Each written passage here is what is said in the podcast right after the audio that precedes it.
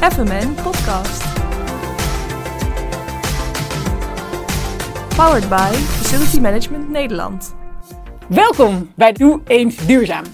In een reeks van 17 afleveringen nemen Alicia, Wim en ik jullie mee in hoe het facilitaire werkveld bij kan dragen aan de verschillende Sustainable Development Goals van de Verenigde Naties. Vandaag hebben wij uh, het over SDG nummer 7: betaalbare en duurzame energie.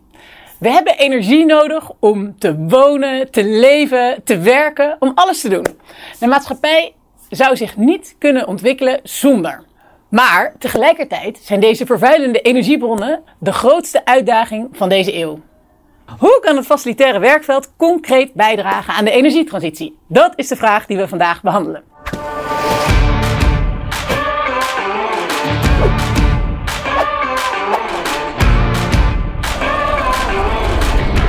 Vandaag heb ik weer een kleurrijk gezelschap in de studio.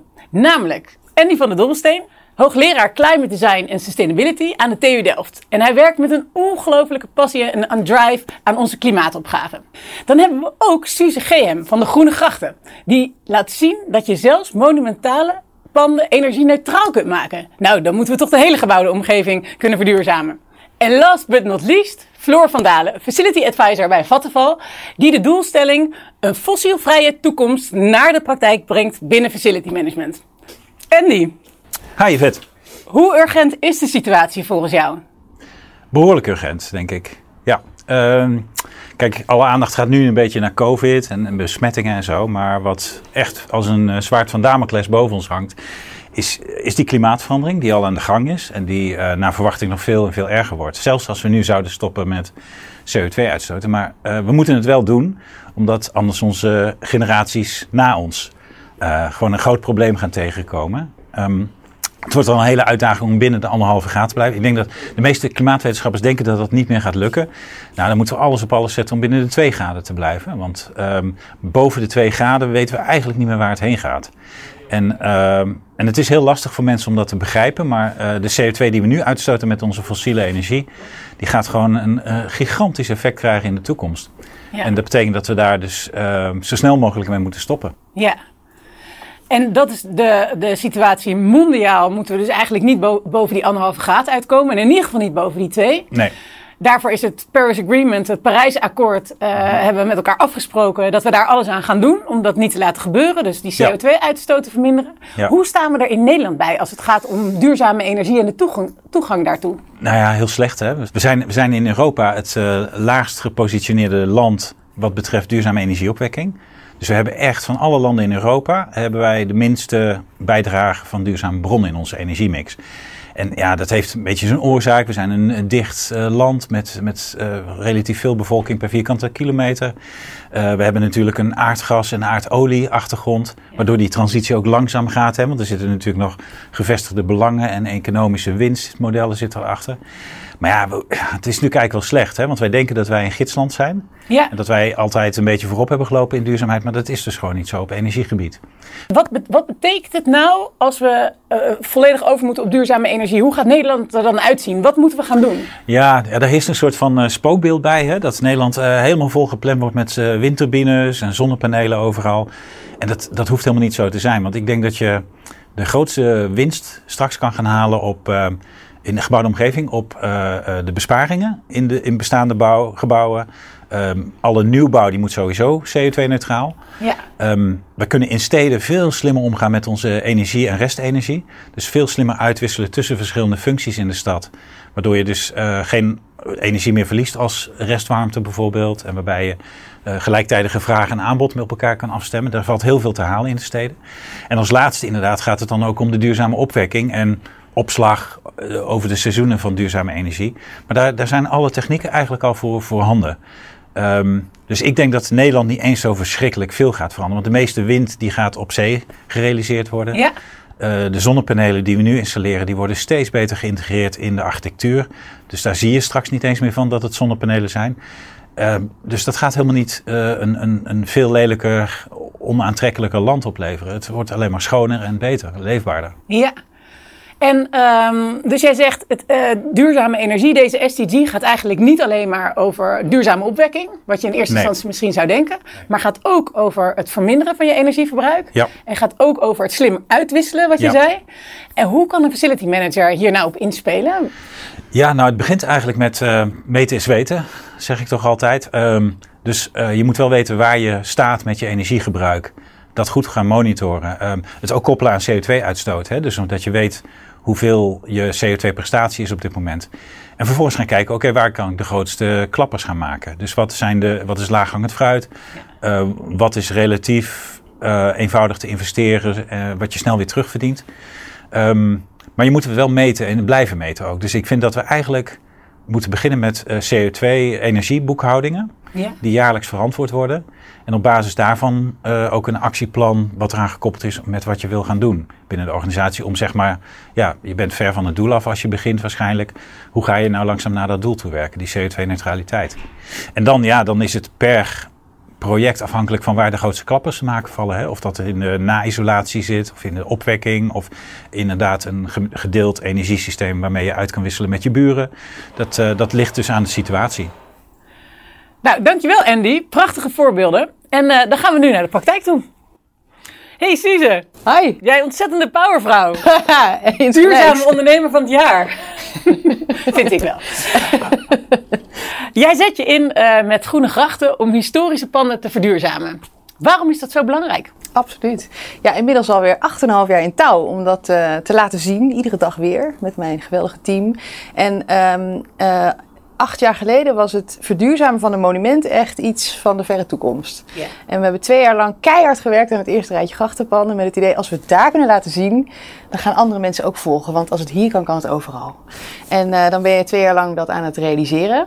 En dan is daarna natuurlijk ook wel die opgave om het dan ook eh, uit te rollen, op te schalen. Ja. Dus inmiddels eh, kan ik met grote trots zeggen dat we zelfs internationaal bezig zijn. Wauw, Ja. jeetje. Sinds vorige week. En eh, is dat allemaal nog steeds alleen maar historische gebouwen? Of is dat ook andere soorten panden? Ja, absoluut. Ehm, we gaan steeds meer van gebouwen naar gebieden toe. We kunnen als we een bepaald type hebben, bijvoorbeeld een stolpboerderij of een eh, mooie buitenplaats of een, een grachtenpand of eh, wat dan voor type pand dan ook. Als je dat eenmaal in de vingers hebt, wordt het makkelijker om eh, herkenbare panden eh, te verduurzamen.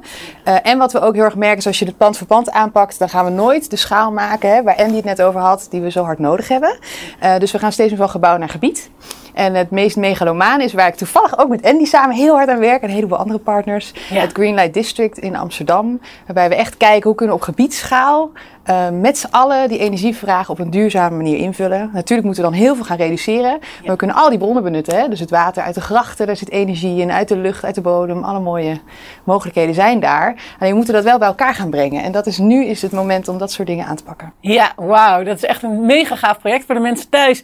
Het Greenlight District is dus het verduurzamen, het vergroenen van de Red Light Dis- District, toch? Ja, zelfs een grotere eh, ehm, ehm, schaal heeft het. Dus het hele 10-12 gebied. Alles binnen het single gaan we Ehm, en wat voor soort projecten draaien er dan allemaal in dat gebied? Kan je daar iets, iets echt concreets over vertellen, zodat het ook wat duidelijker wordt? Absoluut. Hoe je dan met die verduurzaming aan de slag gaat? Ja, ehm, eh, eh, het idee is echt, we hebben een groot Europees eh, project hiermee gewonnen vorig jaar. Loopt drie jaar dit programma. eh, dat we echt de, de community in beweging krijgen. Want we geloven dat het nodig is om met z'n allen die verandering eh, voor elkaar te krijgen. En als we over 10, 20 jaar hele grote resultaten willen boeken, waar alle doelen nu vol van staan. Hè? We zeggen echt van nou in 2030 willen we enorm veel realiseren. In 2040 nog veel meer. 50 zijn we helemaal energie-neutraal, circulair, noem maar op. Eh, dan moeten we nu keihard aan de slag en zorgen dat mensen mee gaan doen. Eerste stappen gaan zetten. Dus we geven workshops. eh, mensen kunnen een advies komen inwinnen. eh, ze kunnen een inloopspreekuur gaan volgen. Waarbij je gewoon even kan spreken met iemand. Goh, wat kom ik nou tegen als ik zelf een duurzaam energiesysteem zou willen? Of Ja. als ik die gevel wil isoleren. Of ik wil iets met mijn ramen doen. Gewoon heel praktisch, kleinschalig. Maar we werken ook aan hele grote icoonprojecten. Dus eh, bijvoorbeeld kunnen we de energie uit die grachten halen en dan op een slimme manier het kaderherstel van de, ehm, eh, de omgeving gebruiken om daar eigenlijk ook het energieopwekkingsverhaal in te passen. En dan eigenlijk twee hele grote uitdagingen. Want kaderherstel is een miljardenoperatie in Amsterdam. Ja. Om dat eigenlijk dan samen te pakken met een andere grote opgave, namelijk de energietransitie. Wauw, ja, Ja. dit is echt te vet. Ja. En ik hoor je eigenlijk tussen neus en lippen door zeggen, want dat realiseer ik me nu pas eh, heel duidelijk, is jullie gaan een heel ge- gebied in transitie brengen. Ja. Alleen, het is niet jullie grond, het is niet jullie eh, property, het is niet Nee. jullie eigendom. Al die, die huizen die erin staan, die hebben allemaal hun eigen eigenaren. Absoluut. En gebruikers. Ja. Dus eigenlijk ga je daarmee aan de slag. Absoluut. Dus het is ook een, een gezamenlijke ambitie die we met z'n allen waar gaan maken. Het is niet mijn stichting of iemand, iemand anders. De, eh, Greenlight is een apart stichting geworden.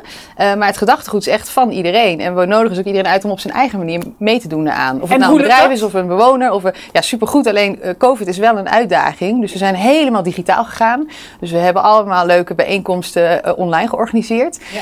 Ja, dat is wel anders dan hoe we het hadden gehoopt. Want we hebben echt een fantastisch pand midden in eh, eh, de binnenstad. Dat is onze hub, onze duurzame hub. Echt ons clubhuis eigenlijk. En eh, ja, vanuit daar kunnen we wel dingen uitzenden. Maar we kunnen daar niet de grote aantallen mensen ontvangen die we natuurlijk hadden willen ontvangen. Ja. Maar goed, ik hoop dat iedereen ermee aan de haal gaat. dat is Ja. natuurlijk het idee. Ja. Want ja, we moeten het met z'n allen doen. En dat is denk ik de grote opgave. Hè? Wat Andy ook, die zit in een fantastisch team. Ehm, eh, er is heel veel technische kennis. Ja. Maar het is uiteindelijk ook echt een hele grote uitdaging om te zorgen dat we met z'n allen in beweging komen. Als we kijken, hè, alle eh, facility managers die zijn verantwoordelijk voor een gebouw. Nou, ik- Of een Dat de gebouwen. vraag. Hoe vertaal je dit naar het facilitaire werkveld? Ja, nou, ehm, ik zal je zeggen, Nederland heeft een kleine 9 miljoen gebouwen. Die moeten allemaal verduurzamen als Ja. we die uitdagende doelen willen halen. En eh, dat is echt een hele grote opgave. En iedereen die hè, in het gebouwbeheer, in het facility stuk zit, die heeft een grote uitdaging.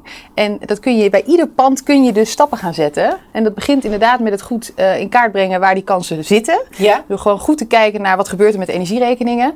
Ehm, we hebben door gewoon goed te kijken wel eens eh, ontdekt dat er nog heel veel gas in de zomer werd verbruikt. Dat was puur en alleen omdat er heel veel leidingen, bijvoorbeeld het warme water, continu rondpompten. Omdat je dan in die, in die enorme gebouwen nog op drie hoog ergens met warm water ehm, eh, je handen kon wassen in het toiletblok. Wat je in de zomer niet nodig hebt. Nee. Ehm, dat zijn allemaal dingen door gewoon goed te kijken wat gebeurt er nou in zo'n gebouw, kun je al heel veel besparen.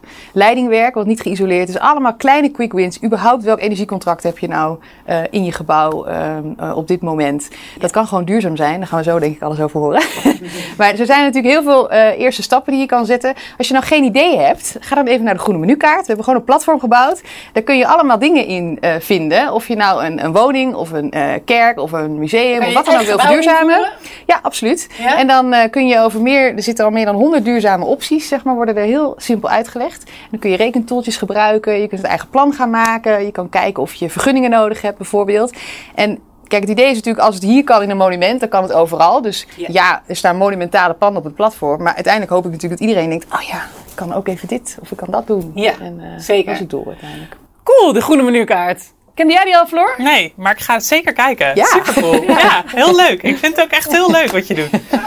Ja, Hey, en Floor, eh, Ja. jij werkt bij Vattenfall. En Klopt. Vattenfall heeft een briljante ambitie neergezet om Ja. een fossielvrije toekomst te creëren Ja. in 2050. Ja, fossielvrij leven mogelijk maken binnen één generatie. Dus de, dat betekent heel veel. Dat betekent dat wij eh, als bedrijf enorm aan het investeren zijn in het verduurzamen van energieopwekking. Eh, want dat is nog steeds wat wij natuurlijk van origine doen. Ja. Ehm, we gaan eh, eh, nou, eh, het eerste volledig subsidievrije windmolenpark ter wereld bouwen op zee. Ehm, eh, daar, ja, ik vind dat heel cool dat we dat soort dingen allemaal doen. Eh, en verder proberen we samenwerkingen aan te gaan. In Zweden zijn we bijvoorbeeld met een staalfabrikant eh, een samenwerking aan te gaan om fossielvrij staal te produceren. Eh, dus met waterstof, daar doen we allerlei testen mee. In Nederland zijn we aan het kijken of we meer naar waterstof over kunnen. We doen veel in de opslag van energie. Ehm, maar we proberen ook onze klanten te helpen met kleine dingen. Ja. Dus wat eh Suze ook aangeeft, je klanten helpen met nou, wat kun je allemaal als quick wins doen om je energie te besparen. Ehm, maar voor ons geldt ook dat het belangrijk is om mensen inzicht te geven in hun eigen energierekening. Eh, en hoeveel verbruik je nou daadwerkelijk. Dus dat doen we voor onze klanten inmiddels. Die kunnen dat nou, op een jaaroverzicht te zien, maar ook eh, eh, in het platform wat er, wat er is. Ehm, en we zijn sinds dit jaar, als ik het goed zeg, begonnen met de CO2-uitstoot ook daaraan te koppelen. Dus mensen krijgen niet alleen hun energieafrekening, dus bedrijven, maar ook hoeveel CO2 ze daarmee uit hebben gestoten. Dus dat faciliteren jullie al Ja. voor de organisatie. Zeker. Wauw, wat Ja. goed. Ehm, en uiteraard inderdaad, eh, eh, nou ja, zoveel mogelijk overgaan naar gro- groene energiecontracten. Ja. Eh, en Hebben jullie voldoende groene energie aan te bieden? Nog niet. Niet om heel Nederland van energie te voorzien. Ehm, maar wat Annie en Suze ook aangeven, volgens mij is het niet alleen maar energie opwekken, maar ook vooral energie besparen. Ja. Dus dat is wel iets wat, wat super belangrijk is en waarvan ik ook heb gezien zelf, door het zelf te doen, ehm, dat daar heel veel in mogelijk is. En dat je ook echt heel veel energie kunt besparen door slim te kijken naar wat doet je pand nou eigenlijk. Ja. Eh, en dat niet één keer per jaar te doen, maar dat iedere dag of iedere maand te doen. Ehm, en inderdaad, eh, zorgen dat je goed geïsoleerd hebt. Eh, dat je kijkt dat je kloktijden van je technische installaties op de goede momenten staan afgesteld. Dat je niet tegelijkertijd aan het verwarmen en aan het koelen bent. Want het gebeurt nog heel veel. Ja. Ehm, dus gewoon kleine dingen, kleine aanpassingen doen die maken dat je al forse energie kunt besparen. Ja. En jij bent natuurlijk als geen ander, eh, eh, zit jij in het facilitaire werkveld. Heb je, hoe heb je het gevoel, eh, hoe goed zijn we daar al mee bezig als werkveld? Ik denk dat het besef steeds meer begint te komen. Maar dat mensen het nog heel ingewikkeld vinden om er ook daadwerkelijk mee aan de slag te gaan. Mhm. Ehm, Waar zit hem dat in? Nou, dat het heel complex wordt gemaakt. En, en dat er vaak hele rekenmodellen achter zitten en eh, ehm, eh, heel fluffy en, en, en ja, niet zo zichtbaar. En mensen denken dat het hele grote investeringen vraagt om echt te kunnen verduurzamen. Terwijl dat dus helemaal niet het geval is. Vertel, waarom Nou is het ja, je kunt dus met al die kleine quick wins die je doet behoorlijk veel energie besparen. En als je nou zorgt dat je daarmee je energie bespaart en dus geld bespaart, dan kun je dat weer investeren in verdere verduurzamingsmaatregelen. Eh, en zo kun je uiteindelijk steeds verder verduurzamen. Ja. En wat ik zelf heb gemerkt, bij ons helpt het dat we natuurlijk als bedrijf een, een behoorlijk statement hebben neergezet. Dus dat helpt in mijn eh, eh, vraagstukken en, en de dingen die ik presenteer om, eh, om te gaan verduurzamen. Ja. Ehm, maar de roadmap, we hebben een roadmap gemaakt tot 2040 voor het verduurzamen van onze panden. En dat helpt ook, want het maakt inzichtelijk voor iedereen, voor de hele organisatie, wat zijn wij aan het doen en welke stappen gaan we zetten binnen onze kantoorpanden. eh, om te zorgen dat we, eh, nou ja, uiteindelijk in ons, is, in ons geval in 2040 aan de Paris-proof doelstellingen voldoen. Ehm, maar eh, ja, door die roadmap eh, kunnen we het ook vertellen. En kunnen we het Ja. ook stap voor stap doen. En kunnen we ook laten zien dat we het stap voor stap doen. En en kan nou iedere facility manager aan de slag met zo'n roadmap? Wat, wat zou je adviseren? Waar, waar begin je dan? Wat doe je dan? nou, je, je moet vooral beginnen. En, en ehm, wat ik heb gedaan, ik wilde een. eh, eh, bij mij komt het van een strategisch huisvestingsplan af. Ik wilde graag een strategisch huisvestingsplan hebben. Eh, omdat ik zag, we moeten onze panden verder verduurzamen. Er zitten een aantal panden tussen die we gewoon. Daar moeten we echt iets mee. En daar moeten we een beslissing over nemen. Maar dat verduurzamen, dat hing zo samen met allerlei dingen. Ja. in dat strategisch huisvestingsplan. Dat ik heb gezegd: oké, we gaan niet een strategisch huisvestingsplan maken, we gaan een verduurzamingsplan maken. Eh, en dat veel groter getrokken. En eh, dat begint met een plan tot 2025. Wat zijn de dingen die wij als organisatie en wat zit daar dan belangrijk in? vinden? Om het nog concreter te maken. Eh, voor ons is dat we willen 50% circulair inkopen. We willen onze kleine kantoorpanden of kleine panden, want bij ons zijn het niet alleen kantoorpanden, ook magazijnen um, en centrums waar vanuit windparken worden geopereerd. Die willen we energie-neutraal hebben. Um, we vinden het belangrijk om biodiversiteit te bevorderen, dus daar hebben we doelstellingen op gezet. En zo zijn we langzaamaan verder gaan bouwen en ook steeds verder in tijd gaan kijken. Um, en nu blijkt dat we heel goed kunnen proberen op basis van die doelstellingen. Dus, um, we hebben in, in Slootdorp, uh, daar uh, uh, staat een, een, een, gebouw voor het opereren van het windpark uh, in Wieringenmeer. En daar hebben we gezegd, ik wil een, uh, nou, kijken of we een energie-neutraal pand neer kunnen zetten. En hoe we dat gaan doen, ik heb geen idee. Maar we gaan het in het bouwteam, want we hebben het in een bouwteam gedaan. We gaan het gewoon proberen. En uh, we hebben het hele dak volgelegd met zonnepanelen. En verder zoveel mogelijk energiezuinige maatregelen genomen. En inmiddels weten we dat we 6 kilowattuur per jaar produceren. Jeetje. Uiteindelijk. Ja. En de volgende stap wil ik heel graag kijken hoe wat we met lange termijn opslag kunnen doen. Maar goed, dat is nog. De, de techniek is er, maar dat is nog te duur om dat ook echt operationeel te krijgen. Ja. Uh, dus we zijn nu, en dan heb ik mazzel dat ik in een energiebedrijf werk. We zijn nu met onze interne afdeling aan het kijken. Wat kunnen we nou doen, stap voor stap, om dat soort dingen verder uit te breiden. Ja. En dat is natuurlijk heel leuk. Ik mag bij, binnen mijn eigen bedrijf allerlei dingen piloten en testen en leren en, uh, en die ervaring uitwisselen. Want dat vind ik ook belangrijk. Ja, ik ben ook wel benieuwd, Suze. Van welke innovaties zouden we nou op de hoogte moeten zijn in het facilitaire werkveld om onze gebouwen te verduurzamen? Weet jij dat? Mm. Ja, dat hangt natuurlijk wel helemaal af van waar, je, aan welke uitdaging je staat. Hè? Ik vind Ja. het fantastisch inderdaad het feit dat je een routekaart maakt, een roadmap, waarin je uitstippelt wat je wanneer tegenkomt. Kijk, als je toe bent aan het vervangen van je installaties, dan heb je daar misschien de meest innovatieve oplossing voor nodig. Ja. Eh, als je daar nog niet aan toe bent, maar je hebt toch iets met, eh, met, met heel veel, eh, bijvoorbeeld iets met datacenters. En je kan iets gaan doen met PCM's, Phase Change Materials bijvoorbeeld. Ja. Nou, dat zou mogelijk wel iets heel gaafs kunnen zijn. Zo denk ik dat het heel erg afhangt van waar je, wa- wat je tegenkomt eh, op welk moment. Dat was dus een innovatie, hè, dames en heren. Face changing materials. Ja, wordt nog niet heel grootschalig. Ja, Precies, wordt ja. nog niet heel grootschalig eh, toegepast. Maar dat is Nee. natuurlijk een hele mooie manier om eigenlijk op een hele natuurlijke wijze eh, je warmte en je koude wat meer te, te temperen, zeg Ja, maar. zeker. Ja. Ja, de, de, de is, het gaat super snel. Tegelijkertijd wil ik vooral voorkomen dat iedereen denkt: ik moet alleen maar het inno- innovatie zoeken. Want er kan dus al ontzettend veel. Ja. Dus alleen al je hele gebouw op een goede manier ehm, verduurzamen, als in het isoleren. eh, kieren na de dichten, zorgen dat de energie binnen blijft. Dat, je, eh, dat al je verlichting hè, eh, over is gegaan op LED bijvoorbeeld. Dat is blijkbaar toch nog, nog niet gemeengoed voor iedereen. Nee. Iedereen weet wel ergens dat is wel belangrijk. Maar of het nou ook overal gedaan is. Nou, ik hoop dat iedereen die kijkt, in ieder geval zijn energiecontract, Zeker. zijn verlichting. Ja. Weet je, die eerste basisstappen gewoon neemt. Ja. Doe dat gewoon. Dat is no regret. En ik denk dat het dus inherent is aan je functie. Als je, als je verantwoordelijk bent voor alle facilities. Ja. Dan ben je niet verantwoordelijk voor, voor alleen het hier en nu. Toch? Eens?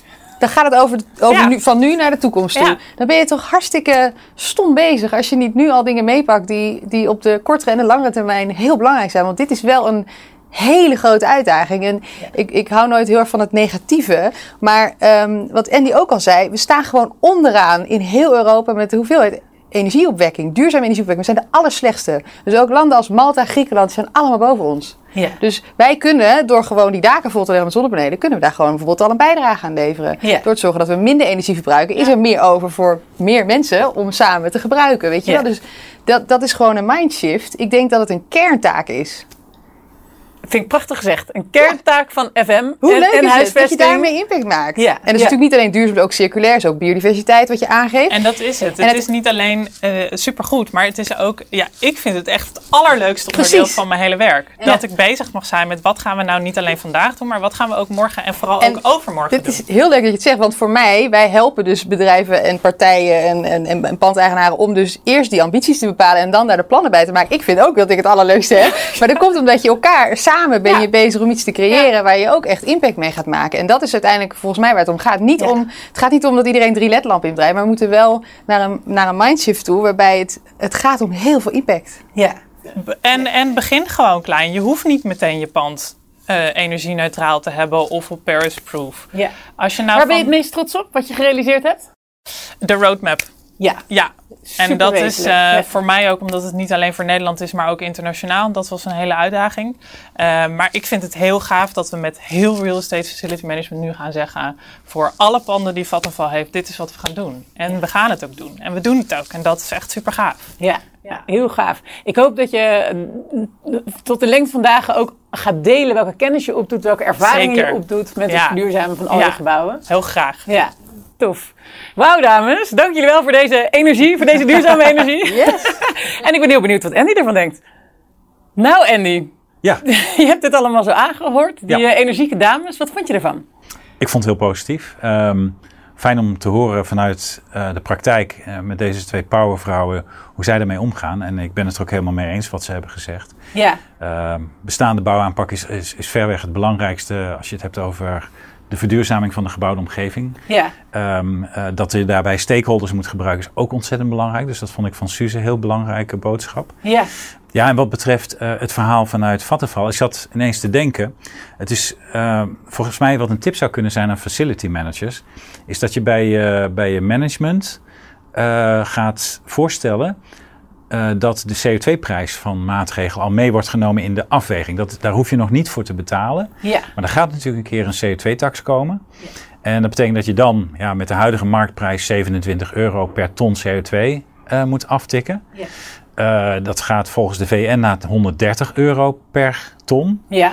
Nou, op het moment dat we die meenemen in de besluitvorming, dan gaat het alleen meer, niet meer over uh, het goedkoopste alternatief, maar ook het meest duurzame alternatief. Ja. En dat is heel belangrijk, denk ik. En neemt dat mee in de overweging wat de beste inkoop is, of wat de beste projectvoorstel uh, is voor een verbouwing of wat dan ook. Ja, ja en, en dat betekent ook dat je dus daarmee op langere termijn moet kijken. Hè? Want heel mm-hmm. veel facility managers kijken toch op wat kortere termijn. De, de, de, je hebt natuurlijk wel de meerjaren onderhouds planning en dat soort dingen. Maar de besluiten over budgetten, die gebeuren toch vaak op wat korte termijn met korte terugverdientijden. Ja, ik denk dat we in dit tijdsbestek gewoon naar terugverdientijden van de volledige technische levensduur moeten gaan van investeringen. Ja. He, dus dat dingen die 25 Precies, en dat dingen die 25 jaar meegaan ook in 25 jaar zichzelf mogen terugverdienen. Ja. Dan heb je natuurlijk wel een beginkapitaaltje nodig om te investeren. Maar ja, daar heb je tegenwoordig allemaal groene bankproducten voor met, met een rente die bijna niks voorstelt. Dus investeren is sowieso belangrijk. Want uh, op de bank houden van reserves, daar heb je niks aan op dit moment. Nee. Nou, met deze prachtige extra toevoegingen sluiten we hem af. Dankjewel Andy voor je mooie bijdrage en dat je hier was. Maar ook uh, dankjewel Suze, Floor voor jullie bijdrage. Um, en jullie natuurlijk bedankt voor het kijken. FMN Podcast. Powered by Facility Management Nederland.